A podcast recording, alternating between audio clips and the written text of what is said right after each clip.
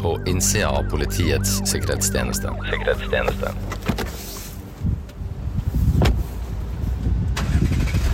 I dag skal vi møte noen i PST som vi utenfor tjenesten ikke snakker så ofte om. De har en helt sentral funksjon for å få arbeidshverdagen til statsråder og andre myndighetspersoner til å gå rundt. Jeg snakker om sikkerhetssjåførene i PSTs biltjeneste. Dette er Pst på innsiden av PST. Jeg heter Marte Berntsen, og ved min side sitter Eirik Veum. Spionasje, etterretning og hemmelighold. Terror og ekstremisme. Trusler, sikkerhet og beskyttelse. PST håndterer de mest alvorlige truslene mot landets sikkerhet. Vi skal ivareta demokratiet. Men hvordan jobber landets sikkerhets- og etterretningstjeneste? Og hvem er menneskene som jobber her? Vi inviterer deg nå med på innsida. Det er et av livets høydepunkt, Martin, å sitte her i studio med deg. Jo, i like måte. Jo, det er godt at du sier. Vi skal altså ut på veien igjen, da. Nå har vi vært med spanere, og vi har hørt om livvakter i tidligere episoder, som er mye ute i bil, men nå er det en ny del av PST vi skal snakke om. Biltjenesten. Ja, ja, biltjenesten. Og det er jo ikke så veldig mange år siden de ble underlagt eh, PST. Så det er faktisk en god del som ikke, i tjenesten også som ikke kjenner de så godt. Mm -hmm. Men det slår meg her, nå har vi sittet og laget podkaster i to-tre år. Og det er ganske mange i PST som forholder seg til bil, mm. Eirik. Altså, hvor bil da er et utrolig viktig arbeidsverktøy i hverdagen. Hva er ditt forhold til bil, egentlig? Nei, altså, hva er ditt forhold til bil? Du, eh, du er jo litt sånn siderumpa når det kommer til eh, bilvalg, valg av bil, mens jeg er jo litt sprekere. Mm. Forskjellen er at jeg har ny bil, og du har veteranbil. Og så har du sykkelhjelm. Det har ja. ikke jeg. Nei. Men vi har en god kollega. Ola Niemann. Ja, Som har vært ute og fulgt biltjenesten som vår utegående reporter. Nå har du kommet inn i studio med oss. Men åssen uh, har det vært? Du, det har vært uh, veldig givende og spennende. Så jeg er jo, som jeg kanskje har nevnt før, ikke så uh, gammel i, i, PST. Begynte jo begynte ved årsstart, og jeg har vært veldig nysgjerrig på disse som kjører rundt i disse svarte bilene, som vi faktisk kan se i bybildet hvis du er litt oppmerksom og f.eks. befinner deg rundt, rundt Slottsplassen. Eh, og dette er jo da PSTs eh, biltjeneste, så jeg har fått adgang til eh, deres garasje under bakkenivå, vært med dem eh, rundt og ut på ulike oppdrag og sett hvor hvor eh, egentlig kontrastfullt, eller i hvert fall hvor varierende arbeidshverdag de har, og hvilken stolthet og ære de ligger i eh, oppdraget sitt. da. Mm. Nå er jo biltjenesten, bare for å skille litt, vi har en egen seksjon og avdeling hvor biltjenesten Kan ikke du fortelle litt om det, hvor de er plassert? Ja, de er, jo, de er jo, en del av, for, for, å forklare det enkelt, en del av gruppen med livvaktene i, i PST. Så de holder jo til på, på, på samme sted. Og, og, det biltjenesten gjør, da, for å fortelle det veldig enkelt, det er jo å kjøre, da, som dere sa innledningsvis her, statsråden og andre myndighetspersoner fra A til B. og sørge for at de får en komfortabel tur, men ikke minst også sørge for sikkerheten under, underveis på de turene og, øh, og, og sånn, da. Men, men dette, er, altså ikke, dette, er ikke livvakter med, som vi har snakka om før. Dette er i og for seg en egen profesjon. Det å være sjåfør, altså sikkerhetssjåfør i disse bilene. Ja, og i motsetning til livvaktene så trenger du ikke politiutdannelse for å bli, eh, eh, for å bli en sikkerhetssjåfør. Du må forstå ganske mye politiarbeid, er mitt inntrykk da, etter å ha vært med dem, eh, og, og, og, forstå hvordan det fungerer for å være en god sikkerhetssjåfør. Da. Så her er det jo egentlig en mulighet for, eh, for folk uten politiutdannelse òg til, til, til, å bli en del av eh, PST. Da. Men, men, du må kunne mer enn å vri på rattet. Altså, du har jo masse funksjoner som skal snakke om sjøl litt seinere her, men, men det, det, er jo masse oppgaver de har ja, utover det. Ja. ja absolutt, og det, og det, er noe av det som imponerte meg mest. At man kan kanskje jeg, jeg hadde ikke det inntrykket, men jeg var liksom nysgjerrig på er det i Gåstein bare en sjåfør som kjører en bil fra A til B, og så drikker de kaffe og ser på GPS-en sin. Sånn er det jo ikke. Dette er jo folk som, som legger stor ære i, eh, i å gjøre, gjøre, en skikkelig jobb, fremtre på en god måte, og som også har mange hensyn og ting de må være oppmerksom på underveis. Da. Og man kan jo bare tenke seg selv, du får en statsråd eh, inn i bilen, en politiker som skal til Slottet. Og så står, eh, står, trafikken. Nå er det jo ofte ikke så langt fra departementene til Slottet, men tenk det, du får, du får en av toppolitikerne i landet som skal til et viktig møte. Vi skal være der om ti minutter. Men fortell, du var jo med på et par dager, var du ikke det? Altså, du satt på i bilen. Jo, jeg har vært med, jeg har vært så heldig at jeg får være med, vært med med flere anledninger på ulike oppdrag, da. Ja, men altså, du satt i baksetet da med statsråder og sånn, eller? Ja, jeg satt, eh, jeg satt i forsetet, Ja. eh, og, og, og bare Og var egentlig flue på veggen, da. Eh, og gjorde minst mulig ut av meg. Men da, opp, da, da opplevde du hvordan statsrådene var med sjåførene og Ja, og det, det det som gikk igjen, var jo at, eh, at de sånn Ja, det er fint dere snakker om, eh, snakker om de folka her, for de gjør en kjempegod jobb. Så jeg, jeg, jeg, det var jo bare rosende ord fra, fra statsrådene da, om, om, om det oppdraget. Det kan du sikkert si litt mer om selv, hvordan, hvordan, hvordan det er. Men, eh, men det, det, jeg også, det jeg også satt igjen med, er liksom i tillegg til at for meg som, som ikke er vant til dette, da, å få, få liksom våre toppolitikere så nært, så forstår jeg jo også at her er det jo en det er jo et eh, profesjonelt forhold, men de blir jo også ganske private med det. Man, skal jo eksempel kjøre dem ganske mange timer, da, hvor det er en sikkerhetssjåfør og en politiker i bilen. Kun de to, eksempel. Det er klart, man blir jo, man blir godt, man blir jo godt kjent. Og det kommer kanskje opp ting de, under de kjøreturene som, som skal bli der. Det vil, jeg, det vil jeg tippe, og uten å gå inn på det, så var det en sånn, faktisk en sånn episode på en av, de, en av de turene jeg var med på, hvor det ble, hvor det ble sagt noe, eller det, det, kom inn noe som gjorde at dette må bare bli i bilen. Og det, og det har alltid blitt, som, som, jeg har forstått det. Og det er jo litt typisk for PC. Det er jo ikke bare sikkerhetssjåførene som har streng taushetsplikt. Man har jo livvakter og andre som sitter på veldig sensitiv informasjon, og der er jo PST knallstreng på hva, vi, hva, man kan si, og det gjelder jo også internt. Det er ikke greit å snakke om de tingene internt heller. Men her kan det jo komme en eh, statsråd som har opplevd en eller annen ting, enten på jobb eller kanskje privat, da, som sjåføren blir en del av uten at, uten at det kanskje var planlagt, eller, eh, og så blir det der. Det, det blir ikke snakka noe om videre. Nei, og der tenker jeg i hvert fall mitt inntrykk da, er jo at uh er jo at sjåføren, sjåføren, der kan jo spille litt ulik rolle. Noen ganger så, så, sier de ingenting, andre ganger kanskje de blir spurt om råd fra, fra politikerne for eksempel. Eh, og er en sparringpartner, eller bare noen som er med og gjør litt, arbeidshverdagen litt, eh, litt enklere, da. Men jeg lurer på en ting, for det, det fortalte du en, en, dag du kom inn. Da var du litt sånn, litt mer rød i kinna enn du pleier, og merka at du liksom var litt oppglødd, da. Som eh, en god drammenser kan bli. Men da hadde du blitt henta av en sånn svart Var det Mercedes? Det var vel en Audi. Audi. Ja, Finere ja. enn en, en Audi jeg ville hatt. Ja, ja, den A-en. Ikke sant? Men en, med sota ruter, svart, og du blir henta og, og, og, liksom går inn der. Hvordan var det? Altså, jeg, jeg skal ikke legge skjul på at jeg syns det var kjempestas, jeg. Og jeg, jeg blei sluppet av og hentet på Nationaltheatret ved, ved, et par anledninger. Jeg skal innrømme at gang nummer to, da tok jeg på meg ikke dressen, men jeg tok på dressbuksa og blazeren. Og gjorde kanskje litt mer ut av meg den ja. lille gangen, fordi du får faktisk, du får faktisk blikk. ja. Så det var, eh, det var noen av, av, begge kjønn som lurte på hvem er denne karen. Så det, det, det, det koser jeg meg med. Du hadde pynta deg på jobben, jeg husker det. Det var den ene gangen. det blir nok den siste gangen også, Ola. Men, men, men jeg vil, hvis, jeg, hvis, jeg, kan få legge til én ting til som jeg merka meg på disse turene, da, og det er jo variasjon i oppdragene. De kjører på annet politikerne våre som, som, er i det som mediebildet og det som er det viktigste i samfunnet til enhver tid. Så det er en stor variasjon i oppdragene. Så plutselig så er de midt i søkelyset på på en eller annen sak som gjør at ja, for eksempel uh, statsbudsjettet, for eksempel. Også i neste oppdrag så kan det jo være på en gård langt utenfor Oslo, eh, som, eh, som, eh, som, er en annen bit. Og det, det som også lot meg imponere av, er jo at i dette her så er det jo et stor grad av tålmodighet. Altså de, jo, de venter jo gjerne til møtene er over, kanskje, eller de skal jo kjøre tilbake, kanskje uforutsigbar rundt det. Men for en sikkerhetssjåfør så kan du ikke bare legge deg bakpå og sove to timer. Du må hele tida være på eh, bruke området til å, liksom, til å liksom være orientert og passe på at bilen har eh, bensin, at du selv har fått spist, at du har vært på do. Altså det, det, er ikke bare ja, det er ikke bare da å skru på radioen og legge seg bak og sove, liksom. Mm. Så det er, det er liksom Ja, må holde konsentrasjonen oppe hele tiden. Men vi må ikke glemme alvoret i det oppdraget som sikkerhetssjåførene faktisk utfører. Fordi når disse myndighetspersonene er med sikkerhetssjåførene, så er de jo i og for seg ute i offentligheten. Og det stiller oss ganske strenge krav til, eh, til sikkerhet, som sjåførene da er en viktig del av.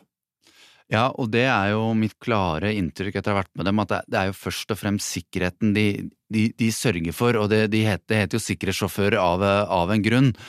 Og det, det imponerer meg. altså Jeg sa det vel i stad, men, men, det der med å, hvor konsentrert de må være i lange arbeidsdager for å hele tiden være på. Man kan jo tenke seg selv at hvis du er for eksempel i militæret og du skal gå over et, et strekke som her, er, her kan det være fiender, liksom, så er det jo lett å være på da. Men, men en sikkerhetssjåfør må på en måte de må være på, he, på, hele tiden, og de har jo ulike måter da, for å sørge for sikkerheten til, til, til de de kjører på. Ja. Og som vanlig da, så hadde du med deg lydopptakeren din når du var ute på, på kjøretur, så vi kan høre litt om, eh, om hvordan en sånn, eh, sånn, tur var. God dag, Anders. God dag, god dag, så hyggelig. Da setter jeg meg inn her, jeg. Vær så god. Er du klar for dagen? Ja, har det vært eh, lang Da er vi jo på formiddagen her, men har det, ble det tidlig start i dag, eller? Ja, det starta for så vidt klokka sju. Men dagen starta jo allerede i går med å forberede noen av de oppdragene som det vi skal gjennom i dag. Så nå har vi liksom fått kommet litt godt ut i det og fått gjennomført noen oppdrag, og er nå på tur eh, for å hente en myndighetsperson som skal eh, eh, til statsministerens kontor på et møte. Det er jo det er mye trafikk i dag, men det er vel egentlig hver dag i, i Oslo, her hvor du kjører mest. Det er vel Oslo er jo blitt en utfordrende by å kjøre i. Det er jo ikke tilgjort for bilister. Så det er klart eh, det blir litt utfordringer, og vi må eh, Vi må på en måte være litt sånn eh, smidige i trafikken for å rekke det vi skal. Uten å være til unødig hinder for andre. Vi har jo tidligere snakka litt om, om, om, jobben dere har, og dere heter jo sikkerhetssjåfør og sånn, men, men, jeg har tenkt litt på er det, Blir det noen gang redd i denne jobben? Eller eh, kommer det over situasjoner som gjør at, eh, ja, rett og slett at du blir redd? Nei, redd vil jeg ikke si, men uh, vi har jo en jobb som medfører uh, mye alvor. Og det er klart trusselsituasjonen i verden og Norge altså Hvis du ser på nyhetene om dagen, så skjønner du at ikke alt er sånn som folk ønsker at det skal være. Og det gjenspeiler jo litt Norge også. så det er liksom den balansegangen, det å være forberedt på hva som kan skje, og tenke gjennom hva som kan skje. Så at vi er, og, og vi gjør jo også masse trening, så at vi er godt forberedt eh, Altså så godt forberedt som vi kan være, da. Det er klart du blir jo aldri 100% sikra. Men, eh, men ikke si redd. Det er liksom den balansegangen med å være godt forberedt til oppdraget uten å bli paranoid og redd, da. Ja. ja det er litt veiarbeider og det er litt, eh, det er litt forskjellige eh, hindre på veien her. Ja, det er eh, graving og stengte veier og endring av enveiskjørte gater og det er Men alt dette ligger jo litt i forberedelsene våre. Det er ikke sant at vi Det er svært sjelden at disse tingene her kommer overraskende på oss. Vi har Vi har som regel god oversikt over de veiarbeidene som er i Oslo og Østlandet sånn ellers. Hvor, hvor, godt kjenner dere gatene og sånn? Hvis jeg hadde sagt et gatenavn nå, liksom, kunne du bare kjørt meg dit? Eller måtte du sjekke opp? Det er litt begge deler. Eh, vi har nok oversikt over de aller fleste gatene i Oslo, men det er klart vi er nok ikke lommekjent i alle deler av byen. Eh, men det er klart at med åra så har vi fått ekstremt gode hjelpemidler eh, der, da. I forhold til Google Maps og andre ting som altså vanlige folk bruker også. Så mm, det å bli god på sånne ting, det er kanskje vel så viktig som å, som å kunne Oslo by. Men det er klart, vi er veldig Vi har jo alltid alternative ruter, f.eks. Vi, vi ser ikke bare på én rute fra A til B. Vi har alltid i hvert fall to, og kanskje helst tre. I tilfelle det skjer noe uforutsett eller eh, For det tidsperspektivet vårt Vi har sjelden veldig god tid. Og det betyr at da, da må vi alltid ta den enkleste, om ikke korteste veien, så i hvert fall den raskeste veien. Ja, så Nå er det bare oss to i bilen, Anders, og jo, vi har jo god tid til neste oppdrag. Så det, det, er jo ikke noe stress sånn. Men hvis du får en statsråd i bilen som har veldig dårlig tid til et veldig viktig møte, da. Eh, gjør det deg, gjør deg stressa? Nei, ikke i utgangspunktet. Det hjelper jo verken meg eller statsråden det å bli stressa. Og vi blir jo vant til jobben vår å leve med, med dårlig tid. Eh, og det å være presise og, og, ha en ganske stram tidsramme, det er en del av jobben vår. Eh, Så jeg vil ikke si vi blir stressa, eh, men vi prøver uansett å utføre oppdraget så smidig og så, så raskt som mulig, så at eh, den statsråden eller myndighetspersonen rekker det møtet hun da skal til. Og det, her vi sitter nå i det Altså, det er jo eh, Det er jo en bil det her, men det er jo på en måte kontoret ditt, da. Det kan jo bli mange timer her i løpet av en dag. Hvordan eh, Hvordan gjør du det med mat og, og, eh, og den type ting? Nei, det å spise lunsj til fast eh, tid hver dag, det er ikke noe vi eh, er så heldige å få lov til å gjøre. Så eh, vi prøver å ha med oss litt mat, sånn worst scenario-opplegg. At vi ikke kommer oss til noe sted der vi eventuelt får kjøpt noe, eller Så jeg har alltid med noe sånn eh, ferdigsmurte Vasa knekkebrød og vann og litt sånn overlevelseskit, hvis en kan kalle det. Så det må man ha. Men eh, stort sett så finner vi jo tid i løpet av dagen til å få oss noen ålreite måltider og, og litt hvile mellom slaga. Men eh, det å være forberedt på at du ikke får verken mat eller gå på do, det, det må du være forberedt på. Så derfor så ser vi et toalett, så går vi svært sjelden forbi eh, uten å bruke det. Nei, men Ola, jeg tror vi skal takke for deg for denne omgang, og så skal vi få inn to ansatte fra biltjenesten her i studio. Så da ønsker vi velkommen Patrick og Anders. Vær så god, stig på. Velkommen til oss. Hyggelig at dere tok dere tid til å komme inn her og være med i podkasten vår. Ja, Tusen hjertelig. Takk for det. Takk for Det er jo veldig stas å komme hit og få så mye skryt. ja. Jeg er jo i ferd med å bli en veteran i PC, og du er jo i hvert fall en veteran i biltjenesten, Anders. Ja, på sett og vis er jeg det. Jeg har jo vært her i mange år. Eh, En ung veteran, vil jeg nå si. Jeg begynte veldig tidlig, i en alder av eh, 20. Da kom jeg fra Forsvaret og var så heldig å få jobb eh, da i Forsvarsdepartementet, i, eh, i biltjenesten der. Eh, Og har da gjennom 23 år da fått vært med på den utviklinga som biltjenesten har hatt. Fortsatt en ung mann, da. Ja, jeg føler meg i hvert fall ung, og ser meg i speilet hver dag, ja. Men det ser ikke så gærent ut. Men du Patrick, du er ganske ny her, som meg. Stemmer. Ja, jeg begynte i februar som, som avsnittsleder og har bakgrunn da fra Forsvaret, lederutdanning i, på befalsskole og krigsskole og en master, og så var jeg kjapt innom Oslo brann- og redningsetat før jeg fikk jobb som avsnittsleder her da i, i februar. Var det, var det planlagt, eller? Ja, å komme inn til PST har egentlig alltid vært en drøm for meg, så jeg søkte meg ikke bort fra Obre, jeg søkte meg til PST, og det hadde jeg fortsatt å gjøre til jeg hadde fått en jobb her. Men eh, det skjedde da i februar, og superfornøyd med det. Men eh, hva slags, eh, hvis du ser bort fra dere to, da, hva slags andre, hva slags andre folk jobber sammen med dere? Er det, lign, er det forsvarsbakgrunn? Hva Ja, det er nok litt forskjellig, men uh, i motsetning til uh, livvakter, så er du ikke avhengig, som også ble sagt i stad, av å ha en politiutdanning for å, for å jobbe hos oss. Vi er i hvert fall ikke sånn det er i dag. Uh, men vi har jo plukka folk fra sikkerhetsbransje og folk som har jobba i beredskapsøyemed før, eh, som liksom har litt eh, riktig tilgang eh, og veit litt hva de går til, da. Så det er ofte fra ambulanse, brann og redning, Forsvaret, Så vi er en ganske brei kompetanse da, og mange innfallsvinkler hos oss. Og det som ikke så mange vet, er jo at biltjenesten har en ganske lang historie. Ja, sånn som den er i dag, da, så er, ble jo biltjenesten danna i eh, 1962. Men allerede fra Norge fikk sin regjering i 1814, så var det jo en transporttjeneste, men da med hest og kjerre, da. Så det- Kusk! kusk og eh, Så da så det jo helt annerledes ut. Eh, Men eh, i 1962 så klarte de også å samle alle, eller samle til én felles tjeneste, da, som lå da under statsministerens kontor. Men Forsvarsdepartementet og Utenriksdepartementet hadde egne tjenester på grunn av at de var såpass store departementer og, og hadde en, et eget sånn beredskapsbehov.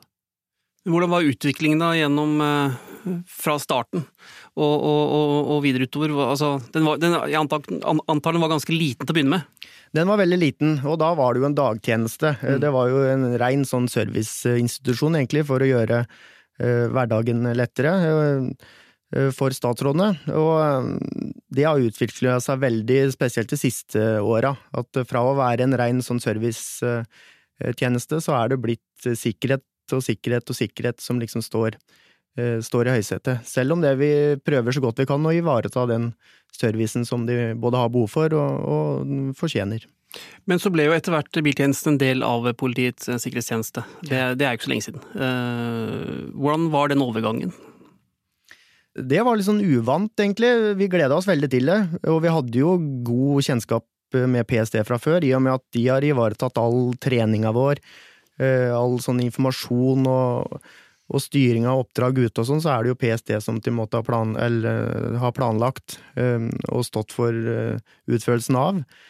Så vi visste jo mye om PST, men det å altså få lov til å komme inn og føle litt på den eh, sikkerhetsinstitusjonen og det sikkerhetsmiljøet som er der, det var veldig lærerikt eh, og spennende. Så vi, vi, har satt veldig pris på den overgangen der, og den hadde nok kommet før eller seinere uansett. Og folk, noen har nok kanskje venta på at det skulle skje også, kanskje før enn de gjorde det, men eh, nå passa det nå, og da ble det som det ble.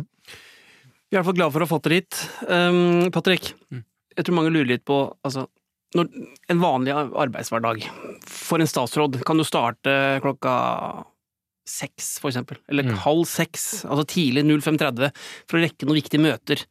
Når må dere stå opp for å være klare for å faktisk jobbe? Nei, vi bør jo helst være oppe tidligere enn det, da. Eh, og vi følger jo på en måte Altså, vi følger flere statsråder, eh, og summen av arbeidstiden der blir ganske lang, da. Så vi, vi, er jo til stede fra tidlig, tidlig morgen eh, til sent på kvelden. Så arbeidshverdagen vår går egentlig eh, fra klokka ja, seks om morgenen til, til 23, sånn, sånn cirka. Fortell om en vanlig sånn morgen, da. Altså, hva, hva, gjør du når du kommer på jobben? Hvordan, hvordan starter dette her? På morgenen så har jo sikkerhetssjåførene fått oppdrag, eh, så de vet hvor de skal møte, hvem de skal plukke opp og når de skal eh, være der. Og det, den planen skal egentlig gå og være forutsigbar fra, fra, morgen til kveld, men det er så klart endringer i disse politikerne sin arbeidshverdag. Så det blir også litt uforutsigbart, men Eh, morgen starter med noen forberedelser, både mentalt og fysisk, i form av utstyr og bil. Eh, komme seg ut, plukke opp statsråden, eh, levere der hvor man skal, gjøre seg mentalt forberedt til neste oppdrag. Og sånn går egentlig dagene til sikkerhetssjåføren underveis, da. Men hvordan funker det hvis du er sikkerhetssjåfør og har familie, da? Har du barn, for eksempel? Jeg har ikke barn, ikke men barn. Eh, for de som ja. Eh, har barn og egen hverdag, så Ja, for det er jo levering i ja, du må Egen hverdag? Ja, egen hverdag har man jo også. Er det, er det, mulig å kombinere, eller? Vi er litt være... avhengig av å ha veldig snille samboere og ja. kunder. Og, men det er klart, vi prøver jo så godt vi kan å bidra, og vi jobber jo en mm. turnus, og vi har jo også fridager. Og da er det nok viktig at vi bidrar litt ekstra i heimen, for vi er veldig fraværende da vi er på jobb. Det er på en måte da er det jobben som er livet vårt, på en måte. For det krever ekstremt eh, mye av oss, da. Ja, Så snakket vi også om dette med bil, om dere har egne biler, at dette er min bil og sånn, så mm. det blir jo kanskje nesten som et barn for dere, det også. Altså ja, et, et, et tredjebarn, eller? Det er jo grep som vi har tatt for at det ivareta utstyret. Det, hvis du gjør det litt personlig, så blir det bedre ivaretatt. Eh, så det har funka veldig godt hos oss, og det ser en jo også på bilene at det, Eh, sies jo at det er de store, svarte, blanke bilene som kjører rundt i Oslo, og det er, det er jo litt av eh, det vi ønsker å oppnå, at det skal se veldig eh, flott ut. Da. Ja, Svarte biler, Eirik. Det, vi diskuterte det litt i sted. Hvorfor er det, er det på død, hvorfor må man på død liv ha svarte biler? Jeg tror nok at det ligger veldig sånn langt tilbake i tid, at svart og rent er veldig flott og stilfullt, og, og, det er klart i mange av de oppdragene vi er, som det skal se litt sånn stilfullt ut, så er en svart bil eh, veldig pent. Jeg har jo en grå metallic bil, og fordelen med det er jo at skitt synes ikke så godt. Altså, jeg trenger ikke vaske den hver dag. Hvordan er det med polering? Eh, nei, altså vi... Har dere egne folk som gjør det, eller gjør du det selv? Så Det daglige vedlikeholdet gjør vi sjøl, ja. Eh, og det legger vi flid i. At det skal være pent eh, både for vår del og for statsrådens del, og at det skal se ålreit ut, liksom. Og hvis du på en måte gjør dette og legger det som en del av tjenesten og bruker litt tid hver dag, så er det ikke en veldig stor jobb. Men det er jo noen bilmerker som går inn også. Mm. Nå er det vel BMW, og det er Mercedes, og det er Audi som dere kjører rundt i. Hvorfor har man disse bilmerkene? Eh, det er jo litt av den kravspekken som PST og tidligere statsministerens kontor la til grunn. Hva som de bilene må inneholde i forhold til de sikkerhetsoppdragene som det vi utfører. Og da er det jo ikke alle bilmerker som klarer å, å levere. Og mm, det har vært litt sånn forskjellig. Vi har hatt flere forskjellige bilmerker, men akkurat de siste årene så er det da de tre nevnte merker som er Men hva da? Hva, hva er det de bilene kan utstyres med som andre bilmerker ikke har? Nei, sånn til nå så har det vært, uh, vært et krav og et ønske om at de bilene skal være pansra. Uh, og det gjør jo noe med vekt og, og kjøreferdigheter, holdt på å altså den, hvordan de bilene blir å kjøre, og da er det ikke alle som klarer å levere det, for det er jo spesialbygde biler. Ja, for vi får av og til noen spørsmål, ja. Martin, om hvorfor i all verden kan man ikke kjøre elbil? For dere har fossilbiler, altså på fossilt drivstoff. Mm. Så ja, når kommer uh, biltjenesten med elbiler? Det enkle svaret er jo at uh, det ikke har vært mulig å levere sånne biler med den kravspekken som vi har behov for. Og dersom det en gang i fremtiden blir mulig å levere, så er jo det helt klart noe som må være med i vurderingen av flere andre biler. Og det er, det er, interessant. Nå har vi snakket en del om bilene og hvordan dere jobber rundt dem, men eh, jeg er også nysgjerrig på folkene. Hva skal til for å bli en, eh, en sikkerhetssjåfør som PST ønsker å ha i, eh, i, i sine rekker? Hva, hva er kravene? Når vi skal rekruttere en ny sikkerhetssjåfør, så, så, er det jo en fordel å ha en bakgrunn fra, fra sikkerhet og beredskap, og ha, ha, med seg det mindset og erfaring med fra en sånn bransje, eh, så er vi opptatt av at man eh, tåler en uforutsigbar arbeidshverdag. Ting kan endre seg hele tiden. Og da må man være i stand til å brette opp erma og bare gjøre det som blir stilt krav til. Så er det noe med det å holde fokus over såpass lang tid, litt som dere var inne på, at man, man skal sørge for sikkerheten i alle de minuttene og timene som man er på jobb. Eh, og har eh, med en statsråd å gjøre, og da, da må man klare å holde fokus over, over, lang tid. Det å være initiativrik, forstå alvoret av hva det er du driver med, det er ting vi ville sett etter. da. Ja, og så må man jo holde seg oppdatert på trafikksituasjonen, kanskje spesielt i Oslo. Vi hadde jo en podkast her for en stund siden hvor det var noen spanere som hadde jobbet i Bergen. Hvor de kjørte seg litt vill i sentrumsringen. Mm. Uh, og jeg tenker sånn, Det er jo relativt, det er mye endringer, og dere kjører mye i Oslo sentrum. altså Politikerne opererer jo i sentrale østlandsområder i, i det, stort sett. Mm. Er det, hva, hvordan, hva slags utfordringer og muligheter byr det på? Nei, Anders vet nok best om utfordringene, men eh, jeg har jo på en måte fått sett dette her med nye øyne, da, og sitte på med mine egne sikkerhetssjåfører som kanskje kan se seg litt blind på hvor flinke de faktisk er, da. Og den roen de har, den kontrollen de har i trafikken, eh, klare å finne de hulla hvor man kommer seg kjapt og trygt fram, den er eh, unik, da. Man merker at dette har de gjort lenge, eh, og dette er de flinke på. Så det er eh, stor forskjell på en vanlig sjåfør og en sikkerhetssjåfør i PST. Så mennesketypen her er rolige, sindige folk som uh, greier å holde hodet kaldt hele veien. Forstå situasjoner og bare gli inn ja. uten at det blir noe styr. Ja, jeg tror nok det er en viktig del, altså i tillegg til det vi har nevnt nå også, at du er flink med mennesker, for du er avhengig av å forholde deg til ekstremt mye mennesker i løpet av en, av en dag. Både myndighetspersoner, men også andre som står og holder i arrangement, og, og som er en del av forberedelsene våre. Eh, så det å være flink med mennesker, det, det er også en fordel. Men øh, vi snakker litt om øh, hva slags type dere er. Nå er jeg litt spent på hva som skjer inni den bilen når dere kjører. Og du, Anders, får inn en, uh, en statsråd som kanskje er opprørt eller sint eller lei seg eller, mm. eller veldig glad eller, eller noe emosjonelt. Ja.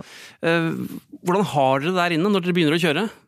Nei, litt igjen da, så må du være litt flink med mennesker. Eh, fordi at uh, de myndighetspersonene våre lever jo et liv som uh, de får en ekstrem oppmerksomhet på godt og vondt. Og det gjør jo at de også reagerer forskjellig på den oppmerksomheten, eventuelt om det er god kritikk eller dårlig kritikk eller Så de er jo veldig sånn forskjellige da vi får dem i bil. Og, eh, og, noen ganger så merker du at det, de ikke er interessert i å prate og bare vil ha stillhet, men andre ganger så er det jo litt mer søkende etter å prate. Og, eh, for bilen blir jo på en måte deres fristed, at de går ifra talerstol på Stortinget for eksempel og skal stå til rette for, eh, noe i en pressekonferanse, enten de da har behov for å lese seg opp, eller bare prate om noe annet, eller eh, kunne slappe av. Og, så det altså være på en måte en Vi blir på en måte, om ikke en støttespiller, men i hvert fall en som de kan lene seg litt på når de bare trenger å slappe av. Så det blir både et avslapningsrom, men også et kontor? For de har jo relativt travel eh, agenda. Det har de absolutt, og det igjen til det vi snakka om i stad, at uh, hverdagen deres er jo veldig travel. Uh, og det gjør jo at vi uh, sjelden har veldig god tid. Så det å forberede seg godt mellom oppdrag og finne de, de beste løsningene på vei, og, og være smidig i trafikken uten på en måte å være til hinder for andre, da. å skape unødig oppmerksomhet, det er jo en del av vår hverdag. Mm. Men dere skal jo gjøre denne arbeidshverdagen da, så, så enkel som mulig ved å, ved å bare mm, ordne ting. Få de fra, fra, et sted til et annet. Men um, noen ganger så har de kanskje utfordringer med å få den hverdagen til å gå opp, de også. Dette er jo vanlige mennesker med familier og unger og syke foreldre og mm. hvor, hvor, langt kan man strekke seg som sikkerhetssjåfør? Kan man stikke innom barnehagen og plukke opp en unge? Vi har ganske klare retningslinjer på hva som er eh, innafor og utafor eh, mandatet og det vi skal holde på med, men det er klart at eh, vi strekker oss for å yte en service og gjøre den hverdagen så, så bra og komfortabel som mulig, men alltid innafor de retningslinjene vi må forholde oss til. Men hvis da en litt stressa statsråd med småbarn sier at du, jeg må innom og hente i barnehagen fordi det er ingen andre som får gjort det, da kjører vi dit, PST, og er med på det.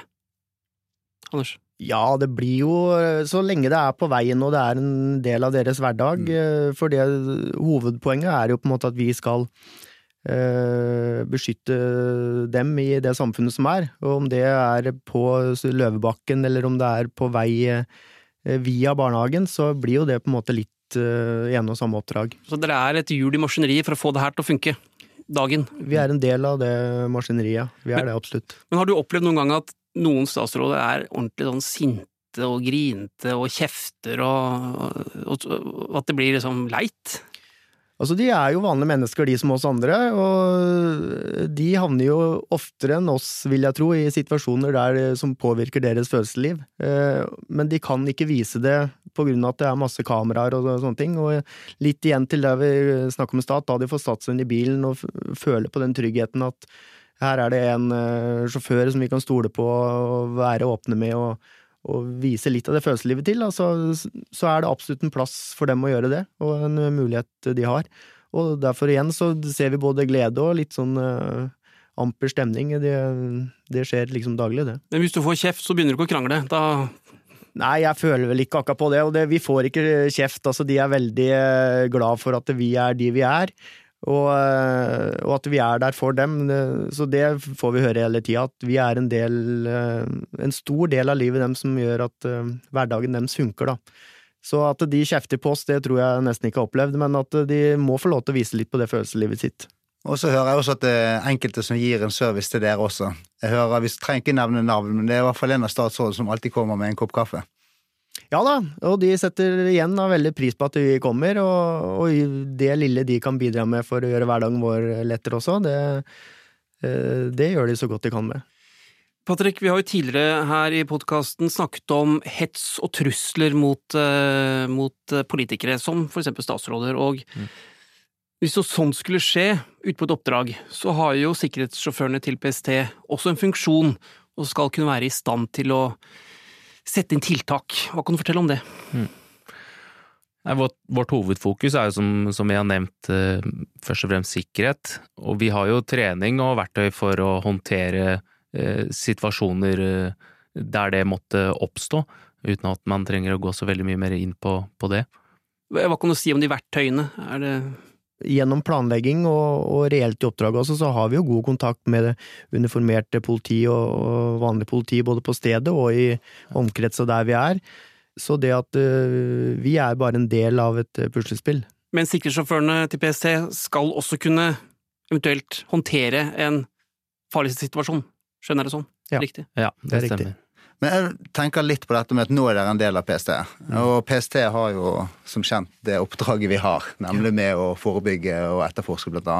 terror eller angrep på eh, myndighetspersoner. Og da er jo dere, dere har, Vi har jo egentlig mange øyne, sitter jeg og tenker på nå, eh, når dere er ute og kjører. Og dere har vel en ganske nær kontakt inn til hovedkvarteret også, dersom dere skulle oppdage noe eller melde om noe, eller hvordan, eh, hvor, hvor, hvordan fungerer det? Dere har eh, altså samband, altså snakker dere med livvakt, eh, melder dere inn til en Er det noen som sitter og planlegger for dere også?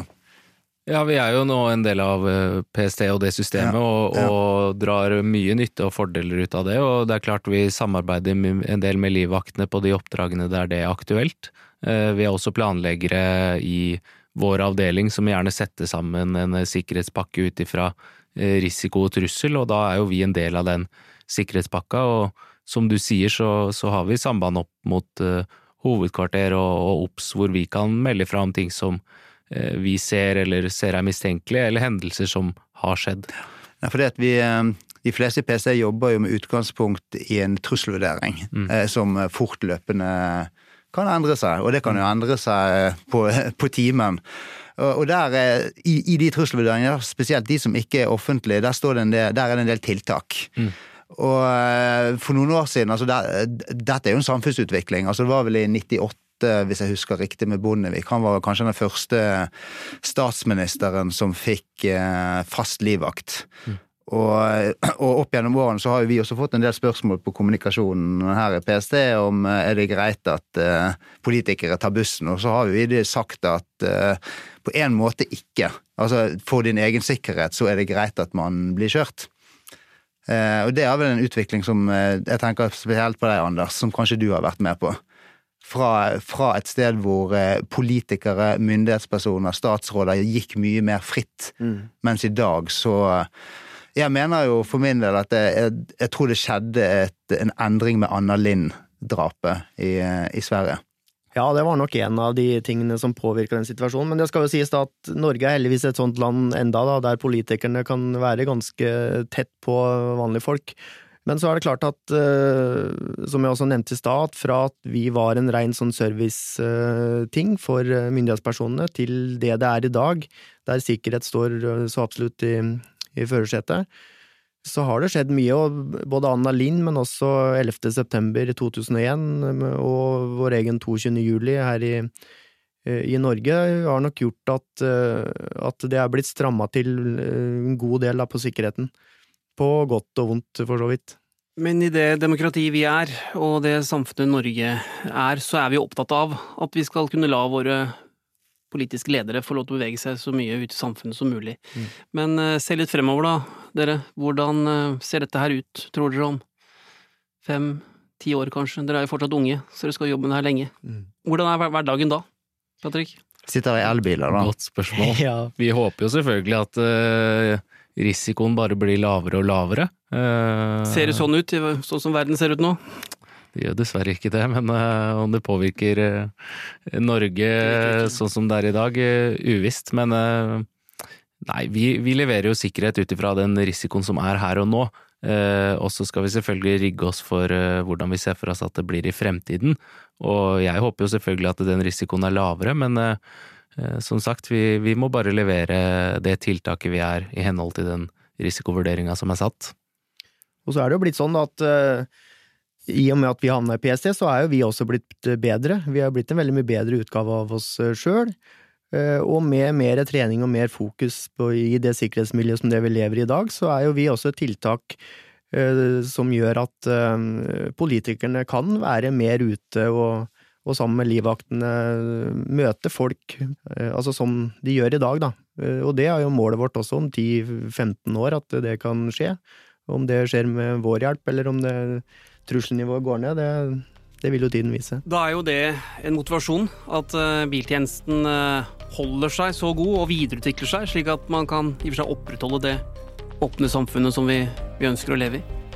Absolutt. Ja, da tror jeg det er på tide å runde av. Ja, og da skal vi også takke Patrick og Anders for at dere kom til oss. Takk for muligheten.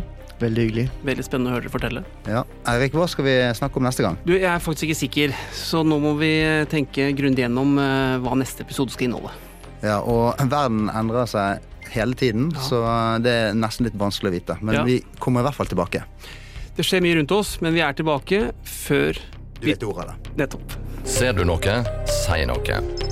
Men bruk sunn fornuft. Kontakt oss på pst.no.